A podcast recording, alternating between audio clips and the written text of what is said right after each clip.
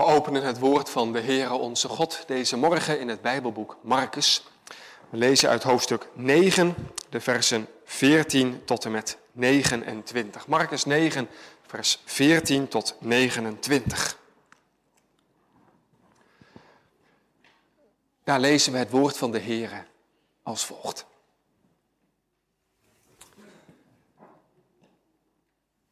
En als hij bij de discipelen gekomen was, zag hij een grote schare rondom hen en enige schriftgeleerden met hen twistende.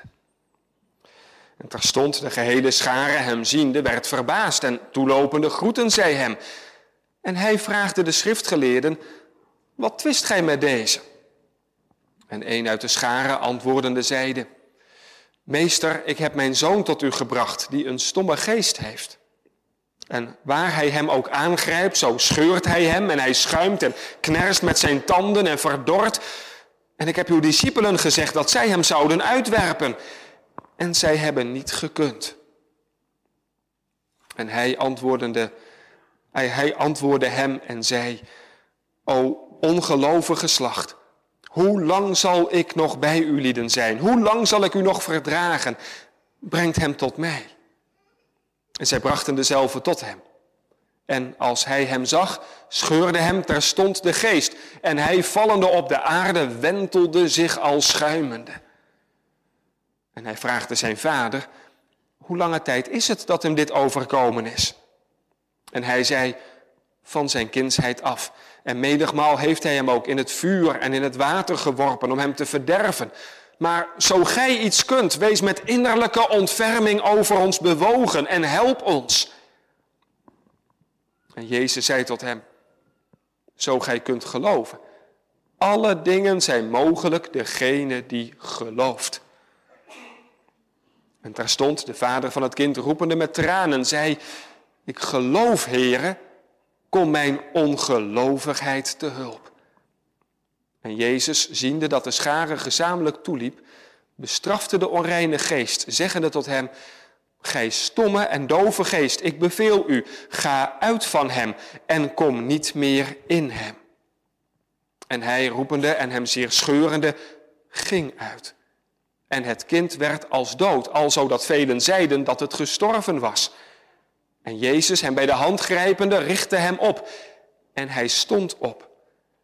En als hij in huis gegaan was, vraagden hem zijn discipelen alleen, waarom hebben wij hem niet kunnen uitwerpen? En hij zei tot hen, dit geslacht kan nergens door uitgaan dan door bidden en vasten. Gemeente des Heren, gasten in ons midden. Mark, Marissa, Carlo, Alice, Jan, Julia. Kan ik dat wel? Die vraag kan op je afkomen. Als je stappen zet in je leven die op zichzelf mooi zijn, maar waarbij er ook wel heel veel op je afkomt. Als ik zo naar jullie kijk, een nieuwe baan waaraan je hoopt te beginnen, je trouwdag en dus het begin van het getrouwde leven, leiding geven aan een bedrijf. Stuk voor stuk hele mooie dingen, maar als je s'avonds eens op bed ligt en over die dingen nadenkt, kan toch zomaar die vraag je aanvliegen. Kan ik dat eigenlijk wel?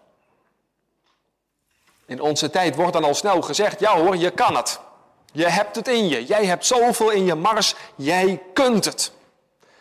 Daar houden we van in onze tijd, om daarop te hameren, wat een mens allemaal wel niet kan. Maar dat is niet direct bijbelse taal. De Bijbel vertelt ons juist doorgaans heel veel wat wij zelf niet kunnen. Dat is wat Gods woord ons laat zien. In onszelf kunnen wij zoveel niet. Maar vervolgens leert datzelfde woord van de Heer om onze verwachting helemaal van God te hebben. Vanmorgen worden jullie geroepen om beleidenis van het geloof af te leggen. Wat is dat mooi. Mooier nog dan al die zaken die ik net noemde. Maar ook daarvan geldt dat de vraag op je af kan komen. Kan ik dat wel? Kan ik de naam van de Heere wel beleiden? Dat is helemaal geen verkeerde vraag, want als we eerlijk zijn, Wie zijn wij dat wij de naam van de Heer op onze lippen zouden nemen? Maar bij die vraag, kan ik dat wel? Klinkt gelukkig datzelfde Bijbelse antwoord. Zie niet op jezelf, maar zie op de Heer. Hij, Hij zal maken dat het kan. Thema voor de preek in deze beleidenisdienst. Christus vraagt een geloofsbeleidenis. Christus vraagt een geloofsbeleidenis. Drie gedachten daarbij. Als eerste een vermaning voor het ongeloof. Als tweede een aansporing tot het ware geloof. En als derde een troost voor het aangevochten geloof. Christus vraagt om een geloofsbeleidenis. Een vermaning voor het ongeloof. Een aansporing tot het ware geloof. Een troost voor het aangevochten geloof.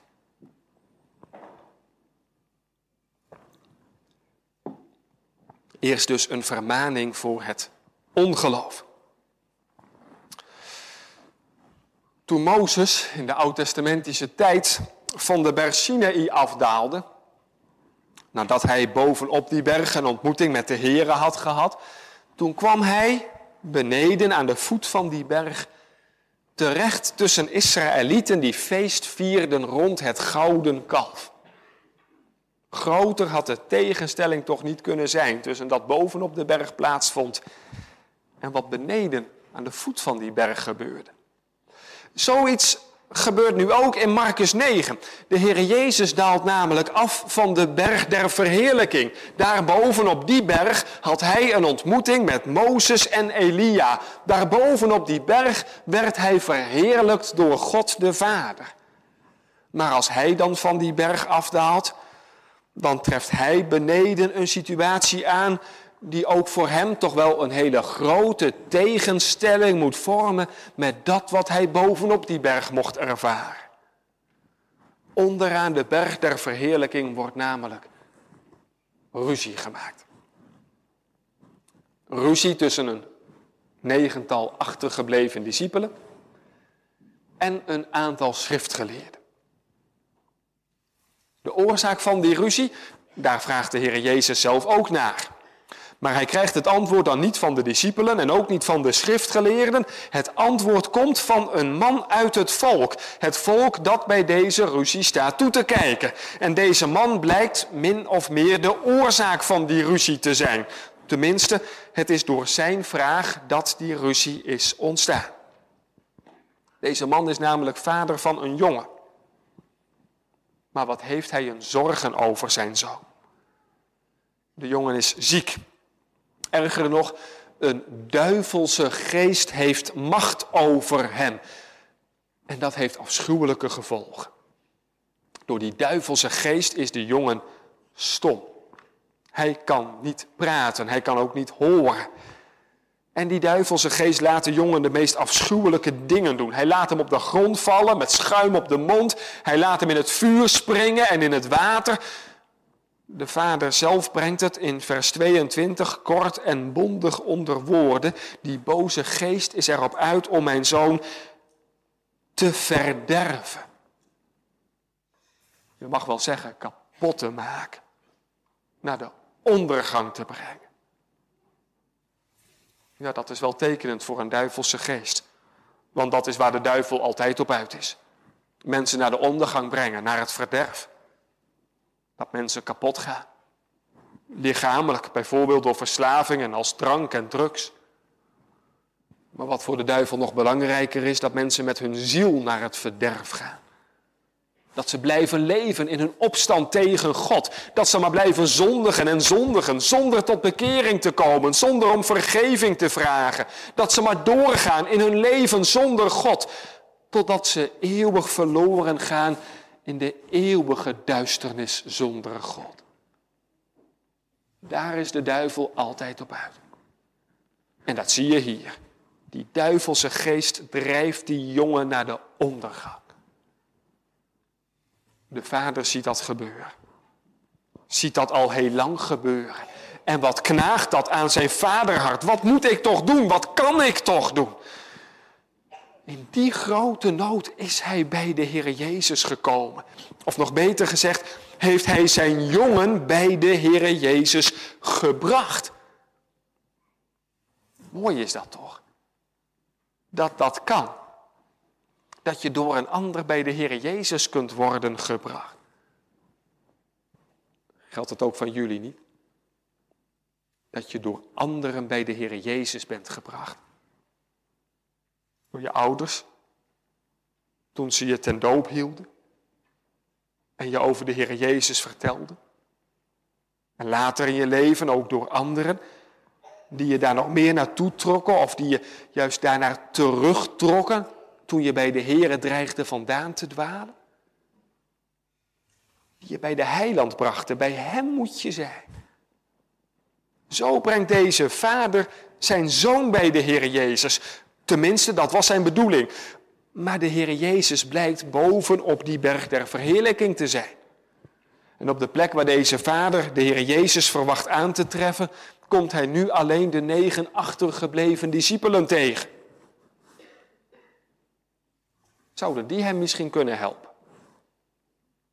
Die negen discipelen denken zelf van wel. En terecht ook. Een paar hoofdstukken hiervoor, in Marcus 6, vers 7, heeft de Heer Jezus zijn discipelen macht gegeven om boze geesten uit te werpen. Dus dat zouden die discipelen ook hier prima moeten kunnen doen. Maar het lukt ze niet. Wat die discipelen ook proberen, ze kunnen die jongen niet genezen. En op dat moment springen die schriftgeleerden er als het ware bovenop. Kijk nu eens, die discipelen kunnen niet eens een boze geest uitdrijven. Blijkbaar is die macht van Jezus van Nazareth toch niet zo groot als dat iedereen dacht. Of misschien is het met zijn kracht wel helemaal voorbij. Maar je kunt je levendig voorstellen dat die schriftgeleerden, die toch al vijandig tegenover de Heer Jezus stonden, zo gereageerd hebben. En dat andersom die discipelen daarop weer hebben gereageerd. En zo kan het zijn dat de Heer Jezus, als hij van die berg afdaalt, onderaan die berg, die schriftgeleerden en die discipelen reden twistend aantreft. Ruzie makend over die genezing die maar niet lukken wil. Groter kan een tegenstelling toch niet zijn. Tussen de heerlijkheid bovenop de berg en deze situatie aan de voet van de berg. Dat blijkt ook wel uit de woorden die de Heer Jezus dan uitspreekt. O ongelovig geslacht, hoe lang, hoe lang zal ik nog bij u lieden zijn? Hoe lang zal ik u nog verdragen? Voor wie zijn die woorden bedoeld? Wie zijn dat ongelovige geslacht? Als je deze woorden zo leest en ook het vervolg van de geschiedenis erbij betrekt, dan wordt wel duidelijk, deze woorden zijn bedoeld voor alle aanwezigen. Voor die schriftgeleerden die principieel weigeren in de Heer Jezus te geloven. Wat een ongelovig geslacht maar ook voor die discipelen. Want aan het einde van de geschiedenis legt de Heer Jezus uit dat deze boze geest alleen uit kan gaan door bidden en vasten. Dat hadden de discipelen blijkbaar niet werkelijk gedaan. Het was dus ook hun ongeloof, waardoor ze niet in staat waren die jongen te genezen. Neem je trouwens dezelfde geschiedenis erbij in het Bijbelboek Matthäus, dan zegt de Heer Jezus het daar zelfs letterlijk. Het ongeloof van de discipelen. Daardoor kon die genezing niet plaatsvinden. Ook van die discipelen geldt, wat een ongelovige geslacht. En ook de Vader. Want de Heer Jezus zegt dit als antwoord op wat de Vader hem vertelt. En in het gevolg van de geschiedenis blijkt dat woord ongelovig ook op die vader van toepassing te zijn. Alle aanwezigen daar aan de voet van de berg een ongelovig geslacht. Hoe ernstig dat ongeloof is, is in deze situatie ook direct duidelijk. Want door dat ongeloof heeft die boze geest nog steeds vrij spel. Door dat ongeloof blijkt onderaan die berg de duivel de sterkste te zijn. Niemand kan tegen hem op. Door het ongeloof blijft die jongen in zijn ellende. En door het ongeloof wordt de naam van de Heere gelasterd. Kijk maar, daar staan die discipelen en die schriftgeleerden ruziend voor het oog van heel het volk. Zo erg is het ongeloof. Zo erg is ook uw ongeloof. En het mijne. Ja, want als de Heer Jezus al die toegestroomde mensen een ongelovig geslacht noemt, dan kunnen wij daar wel van een afstandje naar kijken en bij onszelf verzuchten, dat is allemaal niet best. Maar hoe zit het met onszelf dan? Ook wij kunnen, net als die discipelen, die blijkbaar in hun poging om die boze geest uit te drijven, het te veel van hun eigen kracht verwachten en niet hun vertrouwen op de Here stelden, ook wij kunnen, net als die discipelen, het nalaten, werkelijk ons vertrouwen op de Here te richten. Dat we te veel vertrouwen hebben in onszelf en te weinig vertrouwen op de levende God. Dat is een vorm van ongeloof. Ongeloof dat hier door de Heer Jezus wordt bestraft. Of het kan nog verder gaan. Ook wij kunnen, net als die schriftgeleerden, wel bewust weigeren om in de Heer Jezus te geloven. En dat kunnen we doen met een Bijbel in de hand. Dat deden die schriftgeleerden namelijk ook. De naam zegt het al, schriftgeleerden, mensen die kennis hebben van de Bijbel. Maar geloven? Nee, dat weigeren ze pertinent. Misschien zit u hier vanmorgen wel, of jij. Je weigert het ook om in de Here te geloven. Vanmorgen is hier een beleidenisdienst. Zes jonge mensen beleiden de naam van de Heer. Dat is een hele grote keuze. Maar net zo goed is het ook een hele grote keuze om dat wel bewust niet te doen. Om de naam van de Heer niet te beleiden. Wat maakt het toch dat u daarvoor wegloopt? Dat jij dat niet wilt? Beleidenis afleggen is niet vrijblijvend, maar getuigen zijn van de beleidenis van een ander is ook niet vrijblijvend. Als hier vanmorgen aan zes jonge mensen beleidenis wordt gevraagd, dan wordt het bij ons allemaal op scherp gezet. Hoe ligt dat nou bij u? Hoe ligt dat nou bij jou? Hoe ligt dat nou bij mij? Want ongeloof is een ernstige zaak. Kijk maar daar aan de voet van die berg. Je geeft de duivel vrij spel. Je blijft zelf in de ellende. En de naam van God wordt erdoor aangetast. O, waarom zou je dan weigeren? Waarom zou je dan weigeren om voor de Heer Jezus te buigen? Zonder Hem heb je geen toekomst. Tenminste geen andere toekomst dan de toekomst van de eeuwige verlorenheid. Tegenover dat ongeloof. Laat de Heer Jezus ons nu vanmorgen zien hoe belangrijk. En ook hoe groot en hoe heerlijk het ware geloof is. Dat brengt ons bij het tweede punt van de preek. Een aansporing tot het ware geloof.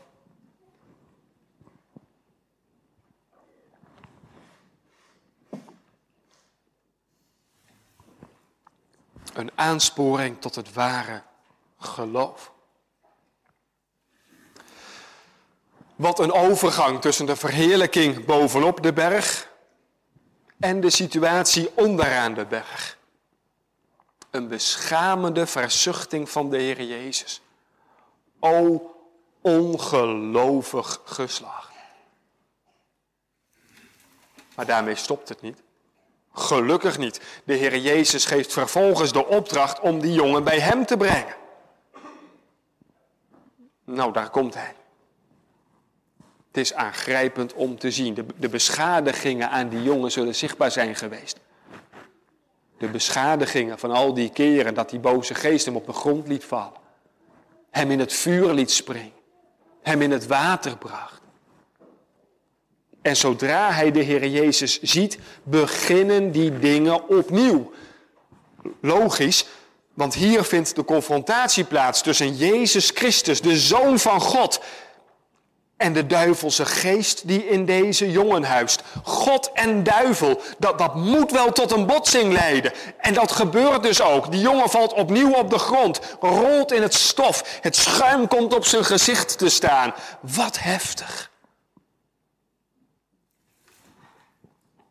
Als de Heer Jezus dan doorvraagt aan die vader, dan blijkt dit al van jongs af aan met die jongen te gebeuren. Van jongs af aan. Zo lang heeft de duivel al macht over hem. Zoveel tijd heeft de duivel al gehad om hem helemaal in zijn klauwen te krijgen. Dat is wel een treffend beeld van hoe het er bij ons allemaal voor staat. Zo is het met u en met jullie en met mij namelijk ook. Van jongs af aan vallen wij onder de macht van de duivel. Al vanaf onze geboorte woont de zonde in ons hart. Toen, deze zes jonge mensen gedoopt werden, toen was u daar als ouders bij. Toen hebt u het van uw kinderen beleden. Ze zijn in zonde ontvangen en geboren. Zo is het met hen. Zo is het met ons allemaal. Van jongs af aan heeft de duivel vat op ons leven. Wat heftig, wat ernstig. Maar nu komt deze jongen bij de Heer Jezus, zoals ook u ooit uw kinderen bij de Heer Jezus bracht toen u hen ten doop hield. De vader brengt zijn zoon bij de heiland. Vertelt dan van alle ellende, van alle narigheid waarin de duivel hen gebracht heeft. En zegt dan tenslotte, maar zo gij iets kunt, wees met innerlijke ontferming over ons bewogen en help ons. Ja, dat is mooi. Die hulpbehoevende hand die naar de Heer Jezus wordt uitgestrekt. Het gebed om innerlijke ontferming van de heiland. Ja, heel mooi. Maar de Heer Jezus zegt als antwoord dan niet, natuurlijk zal ik u helpen. Nee, de Heer Jezus zegt als antwoord, zo gij kunt geloven, alle dingen zijn mogelijk degene die gelooft. Hoor je wat er hier gebeurt? De Heer Jezus haalt als antwoord letterlijk de woorden van die man aan. Zo gij iets kunt, had die vader gezegd. Zo gij iets kunt. Dat klinkt bescheiden, maar dat is eigenlijk de taal van het ongeloof. Eerder in Marcus 1 was er een Melaatse man bij de Heer Jezus gekomen. Die Melaatse man zei toen, indien gij wilt, gij kunt het. Voor die Melaatse man was daar geen twijfel over. Heere, u kunt het, als u het maar wilt. Maar deze vader, deze vader zet daar nu een vraagteken achter. Indien gij kunt, zo gij kunt. Maar het zou dus ook best kunnen zijn dat u het niet kunt. Taal van het ongeloof. Eerlijk gezegd is het ongeloof van deze vader op dit moment niet zo heel vreemd. Deze vader heeft tenslotte net een hele lange tijd, als ik het zo mag zeggen, naar het geknoei van die discipelen gekeken. Die discipelen die zeiden, wij kunnen dat wel, maar ze konden het niet. Die discipelen van de Heer Jezus, die in de redding van deze jongen zo tekortgeschoten zijn. Die vader heeft dat gezien. En achter zijn geloof is nu een flink vraagteken komen te staan. Als die discipelen het niet voor elkaar krijgen, discipelen van die Jezus van Nazareth, zou de Heer Jezus het dan wel werkelijk kunnen? Zo gaat het nog steeds heel vaak. Dat het vertrouwen van mensen op de naam van de Heer belemmerd wordt door het geknoei van zijn discipelen. Of door het geknoei van mensen die zeggen dat ze discipelen zijn. Hoe vaak kun je dat in de wereld niet horen? Dat er negatief wordt gesproken over de Heer. Want, zo wordt er dan gezegd, kerkmensen zijn zus en zo. Hij praat altijd zo vroom. Maar ondertussen doet hij dit. Zij heeft altijd de mond vol van God en van de kerk. Maar als het erop aankomt, dan het geknoei van de discipelen. Tast de naam van de Heer aan. De beleidenis die jullie vanmorgen willen afleggen. Leg daarom een grote verantwoordelijkheid op jullie schouders. Als je vanaf vandaag beleidend lid bent, dan moet je goed bedenken dat er ook zo naar je gekeken mag worden. Je levenswandel, je doen en laten, de manier waarop je praat. Wordt daarin iets zichtbaar van wie de Heere voor je is. Want je moet er toch niet aan denken dat er later eens iemand zou zijn als de vader van deze jongen. Die moet zeggen, de levenswandel en het gepraat van beleidende leden heeft ervoor gezorgd dat mijn vertrouwen op de Here aan het wankelen werd gebracht. Of zelfs dat er mensen zijn die zeggen, toen ik die zogenaamde christenen bezig zag, toen wist ik voor mij zeker dat ik met God niks te maken wil hebben. Het zou wat zijn. De beleidenis die je uitspreekt vandaag geeft een grote verantwoordelijkheid. Indien gij kunt, zegt deze vader. Taal van het ongeloof. Maar daarop reageert de Heer Jezus met de woorden, indien gij kunt. Indien gij kunt geloven. Daar komt het op aan. Niet op de vraag wat ik wel of niet kan, maar op de vraag of u gelooft. Want als u gelooft, alle dingen zijn mogelijk degene die gelooft. Alle dingen zijn mogelijk. Is dat waar? Zo ja, dan is dat nogal wat. Dat wat hier vanmorgen gebeuren mag, geloofsbeleidenis afleggen. Dat is nogal wat als dit waar is, dat alle dingen mogelijk zijn degene die gelooft. En toch, het is waar, jazeker. Want de grote betekenis van het geloof, die kun je onmogelijk overdrijven. Het geloof, het kennen en vertrouwen van de Heer. Dat maakt het beslissende verschil in een mensenleven. Dat geloof betekent het verschil tussen een leven zonder God en een leven met God. Het betekent het verschil tussen een leven zonder zaligmaker en het leven met de zaligmaker. Dat geloof betekent het verschil tussen eeuwig sterven in de zonde en eeuwig leven met God. Zonder geloof heb je helemaal niets. Niks behalve een totaal verzondigd leven. Niks behalve de wetenschap dat de toorn van God op je rust. Maar met het geloof, met het geloof wordt alles zo radicaal anders. Door het geloof mag ik weten dat heel mijn zondelast, alles wat ik in mijn leven ooit uitgespookt heb, dat ene kleine geniepige leugentje, die enorme misstap op die ene dag die ik maar niet vergeten kan. Die pijnlijke kras op mijn hart om wat ik toen en daar ooit deed.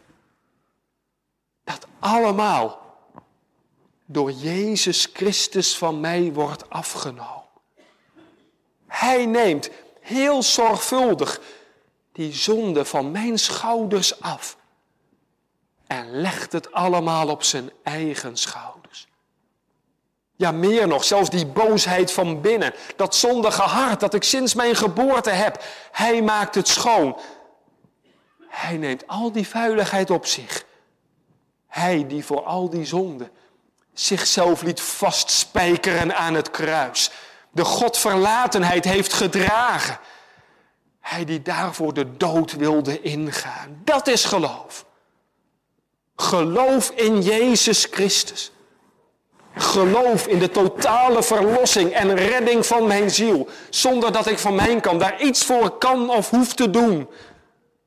Alleen uit genade. Dat is geloof.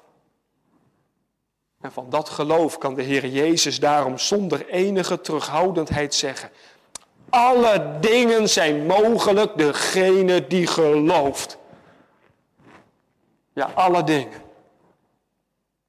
Want zeg nu zelf, als je door het geloof in de Heer Jezus zelfs van je zonde verlost kunt worden.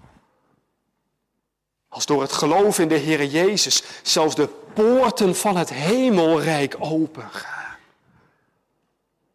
Als het geloof maakt dat je verzoend wordt met de levende God. Zou je dan niet kunnen zeggen, ja, alle dingen zijn mogelijk degene die gelooft. Is het geloof een heerlijke zaak. Ja, zeg je. Maar heel eerlijk gezegd wordt er nu wel een beetje onzeker in mijn hart.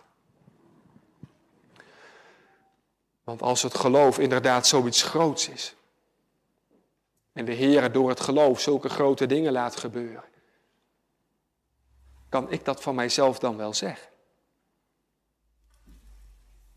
Kan ik dan vanmorgen van dat geloof wel beleidenis doen? Als die vraag op je afkomt, dan ben je daarin niet de enige. Kijk maar eens naar die vader. Bij hem komt diezelfde vraag ook naar boven. En laten we daar nu als derde naar luisteren. Een troost voor het aangevochten geloof.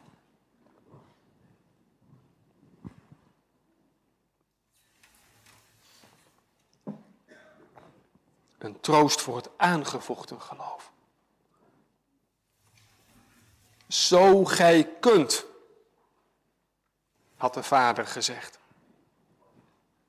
Maar de Heer Jezus houdt hem een spiegel voor. Zo gij kunt. Zo gij kunt geloven. En met die spiegel dan ook de belofte. Alle dingen zijn mogelijk, degene die gelooft. Een heerlijke belofte, toch? Dat alle dingen mogelijk zijn als je gelooft. Zelfs de grootste en de heerlijkste dingen. Vergeving van zonde, vrede met God, eeuwige heerlijkheid. De grootste dingen die een mens hier op aarde maar verlangen kan. Maar, met dat de Heer Jezus deze spiegel voorhoudt, werpt hij die vader toch ook een beetje terug op zichzelf. Zo gij kunt geloven. Maar ja, kan ik dat wel? Kan ik wel geloven? En hoe doe ik dat dan? En hoe weet ik dan dat ik het ware geloof heb? En. Ach, die vragen zijn toch wel herkenbaar. Die hebben jullie toch ook gesteld in de jaren van beleideniscategorisatie die achter jullie liggen? Twee of zelfs drie jaar. In de persoonlijke gesprekken, in de gezamenlijke gesprekken op de beleideniscategorisatie. Wanneer kun je dat van jezelf nu zeggen? dat je gelooft.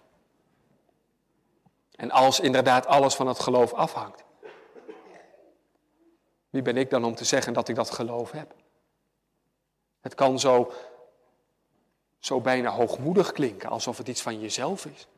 En die gedachte kan je vervolgens weer aan het twijfelen brengen. Heb ik dat geloof dan wel echt? Ken ik de Heer? Of, of maak ik mijzelf dat wijs? Alle dingen zijn mogelijk degene die gelooft. Dat klinkt heel mooi. Maar in het mensenhart kan juist dat het begin zijn van een heleboel vragen en worstelingen en twijfels. Toch? Ja, inderdaad. Kijk maar naar die vader. Want ook hij moet nu antwoord geven. Hij moet reageren op wat de Heer Jezus tegen hem zegt. De Heer Jezus die hem heeft voorgehouden. Alle dingen zijn mogelijk degene die gelooft. Wat moet hij daar nu op zeggen? Want, want eigenlijk heeft de Heer Jezus hem net laten zien dat hij dat geloof helemaal niet heeft. Hij durfde immers tegen de heiland te zeggen, zo gij kunt. Nou, dat was geen geloofstaal. Moet hij dat nu gaan erkennen? Moet hij zeggen, Heer, ik heb dus geen geloof? Maar ondertussen ligt zijn jongen daar nog op de grond te kronkelen en te rollen. De duivel brengt hem naar het verderf. Om dan te zeggen dat er geen geloof is, geen geloof in de Heere Jezus, dat betekent dat er ook geen redding zal komen. Dat de duivel het hier zal winnen. Wat moet hij zeggen? Wat moet jij zeggen? Straks als de vragen worden gesteld. Moet ik ja zeggen? Maar kan ik dat wel?